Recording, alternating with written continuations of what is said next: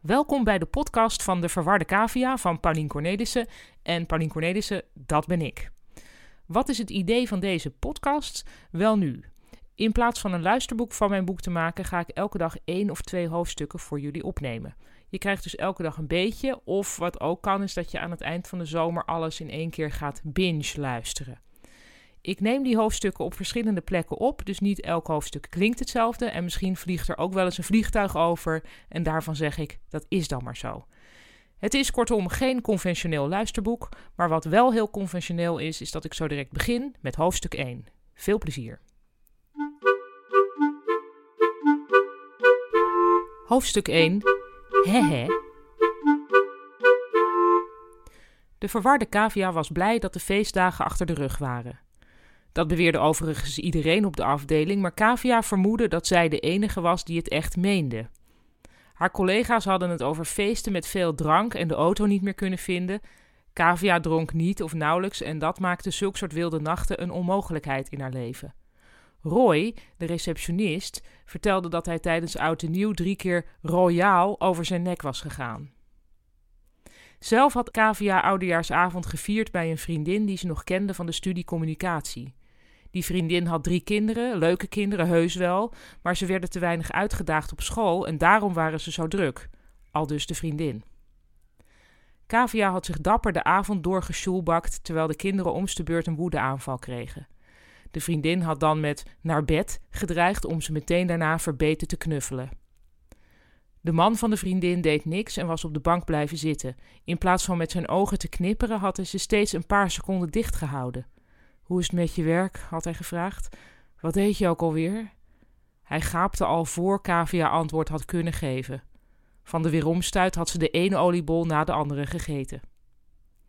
De kinderen mochten vuurwerk afsteken. Kavia had ter plekke verzonnen dat vuurwerk te riskant was voor haar vacht en dat ze daarom binnen bleef. Dat ik dat nooit eerder bedacht heb, dacht ze triomfantelijk toen ze eindelijk lekker alleen op de bank zat. Het was een leugen die haar zo goed paste dat ze er bijna in ging geloven. Om één uur was ze naar huis gegaan. De man van haar vriendin had haar uitgelaten. Terwijl hij de deur achter haar dicht deed, had ze hem nog net hè hè horen zeggen.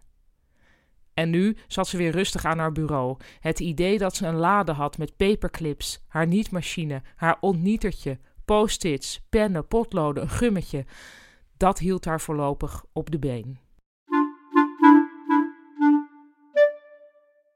Hoofdstuk 2: Opletten. Maandagochtend. Het regende, maar Kavia had besloten om niet te schuilen. Zo kwam ze nat, maar als eerste aan op kantoor en kon ze nog even rustig googelen op enge ziektes terwijl het leek of ze aan het werk was. Haar vacht was alweer opgedroogd en ze wist nu bijna alles van krentenbaard toen er naaldhakken in de gang klonken. Goedemorgen, zei Stella, hoofd Human Resources. Ze gooide de deur open. Lekker aan de slag? Ja, echt even in alle rust mijn tanden in die mailing zetten, zei Kavia. Ze tuurde gespannen naar haar scherm. Ja, ja, zei Stella. Kim kwam binnen, haar communicatiecollega. Hoi, hoi, riep ze. Wauw, wat een regen. Ik bedoel, hallo hé. Ze kneedde haar natte haar. Iemand koffie? Iedereen koffie. Kim begon te vertellen over haar vriend Stanley, de kinderen van haar vriend Stanley, de ouders van haar vriend Stanley en de buren van haar vriend Stanley. Van ieder ander zou Kavia deze veelheid aan informatie onuitstaanbaar vinden, maar van Kim kon ze het hebben. Daar zit geen kwaad bij, dacht Kavia wel eens, zonder precies te weten van wie ze die zin had. En Stanley is echt zo van: het vaderschap is alles voor me. En dat begrijp ik ook wel. Maar ergens ben ik ook van: ja, maar ik dan. Maar ja, dat moet je accepteren als je voor een gescheiden man met kinderen kiest. Of nou ja, kiezen, kiezen. Hoe fascinerend ik het allemaal ook vind, zei Stella. Ik heb drie woorden voor jullie: mailing, mailing en mailing.